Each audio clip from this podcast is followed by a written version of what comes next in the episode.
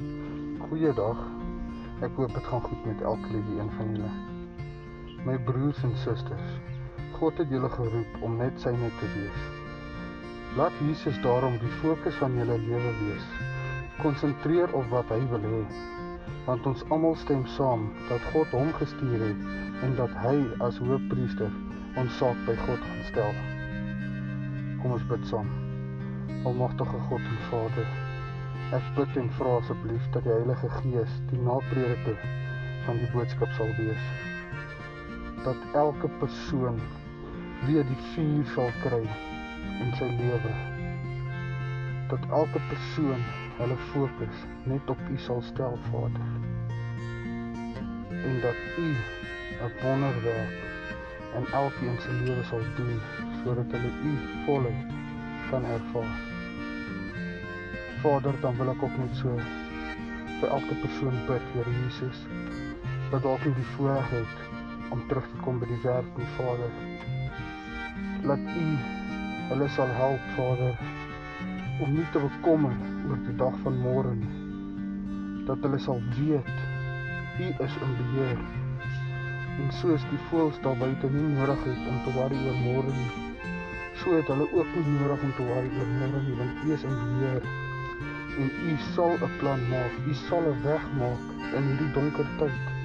Hierdie onbekende tyd. Dis hoekom dit so belangrik is dat ons fokus net op u as Vader. Dat ons kan weet in hierdie onbekende tyd is u nog steeds in beheer. En u sal vir ons 'n weg maak, Vader. Dis my gebed in Jesus se naam. Amen. Goeiedag groet jou weer in die wonderlike naam van Jesus Christus. En 'n voorreg vir my om weer saam met jou te kuier. Vandag wil ek met jou gesels rondom die gedagte van hoe lank nog voor jy jou fokus reg kry. Ja, jy het reg gehoor. Hoe lank nog voor jy jou fokus reg kry? Ek lees vir jou die woord van die Here in Psalm die 13de hoofstuk vanaf die 1ste tot en met die 6ste vers. Vir die musiekleier 'n Psalm van Dawid. Hoe lank, Here, sal U my altyd deur vergeet? Hoe lank sal U vir my U aangesig verberg? Hoe lank sal ek planne beraam in my siel met kommer in my hart oordag? Hoe lank sal my vyand hom oor my verhef? Aanskou tog, verhoor my Here, my God, verlig my oë sodat ek nie in die dood inslaap nie, sodat my vyand nie kan sê ek het hom oorwin nie en my teestanders nie juig as ek wankel nie. Maar ek op U goedertierendheid vertrou ek. My hart sal juig oor U heil en ek wil sing tot eer van die Here omdat hy aan my goed gedoen het tot sover. Dawid roep 4 keer uit: "Hoe lank nog? Hoe lank nog? Hoe lank nog? Hoe lank nog?" En dit is asof ek die idee kry dat hierdie vuur wat vir my spreek van die getal van die wêreld, is dit asof Dawid besig is om op die verkeerde dinge te fokus. En dit dan waaroor ek met jou wil gesels. Hoe lank nog voor jy jou fokus reg kry en begin fokus op dit wat vir God belangrik is. Fokus op dit wat sy goedkeuring wegdra. Fokus op dit wat sy hartsnare in beroering bring. Wie wil tog nie sy hartsnare in beroering bring nie? Ons almal wil hom tog behaag en hom tevrede stel. En Dawid begin en hy sê hoe lank nog sal U my altyd deur vergeet? Voel ons nie ook baie so nie?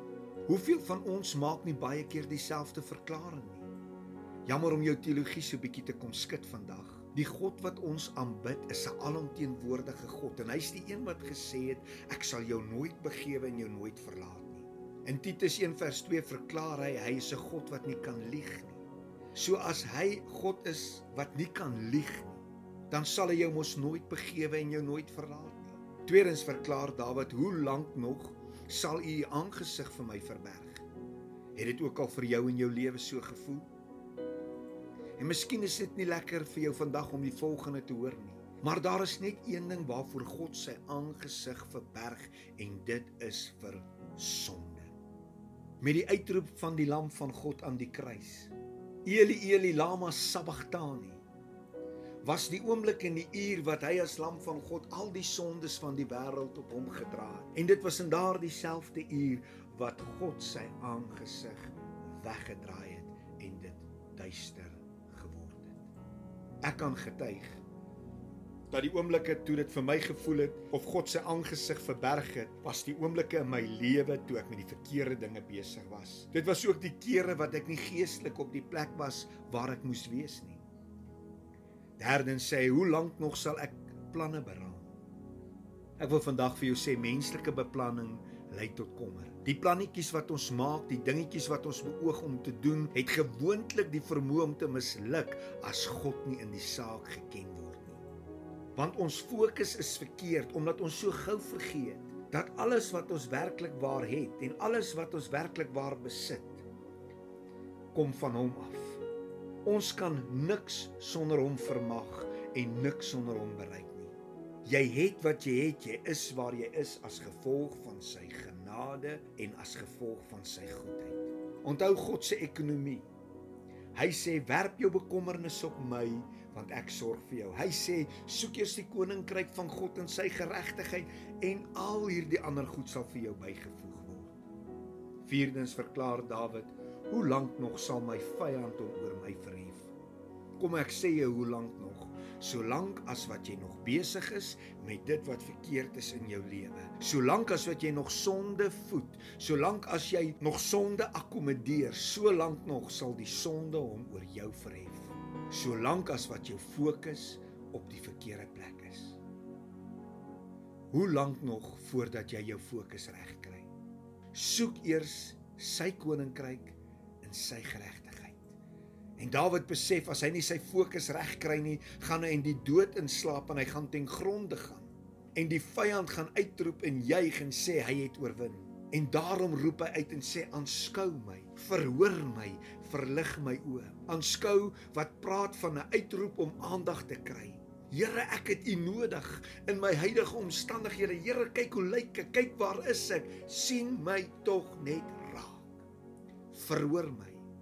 Ek maak nou my hart oop. Ek wil hê U moet my kom verander. Ek wil hê U moet my omkeer. Ek wil hê U moet my uitkeer. Ek wil hê U moet my help dat ek my fokus sal regkry. Deur my oë te verlig. Jy sien verligte oë wat begryp wat die waarde en die impak van die kruis is. Wat vir jou en vir my aan die kruishout van Golgotha bewerkstellig Met ander woorde, ek sien net hoe Dawid uitroep en sê: Here, bring my terug na dit wat belangrik is. Kom terug by die fokus van Jesus Christus en hom as gekruisigde. In die kruis lê die antwoord, in die kruis lê die oplossing, in die kruis lê die oorwinning, daar lê die genesing, daar lê die bevryding, daar lê die redding. En as jy weer jou fokus kan regkry op dit wat belangrik is, naamlik Jesus Christus en hom as gekruisigde, dan sal jy op 'n plek kom soos Dawid wat jy uitroep in hierdie Psalm 13 vers 6 wat hy sê: "Maar ek, op u goedertierendheid vertrou ek, my hart sal juig oor u heil, die heil wat vir jou en my aan die kruis van Golgotha bewerkstellig is." Kry jou fokus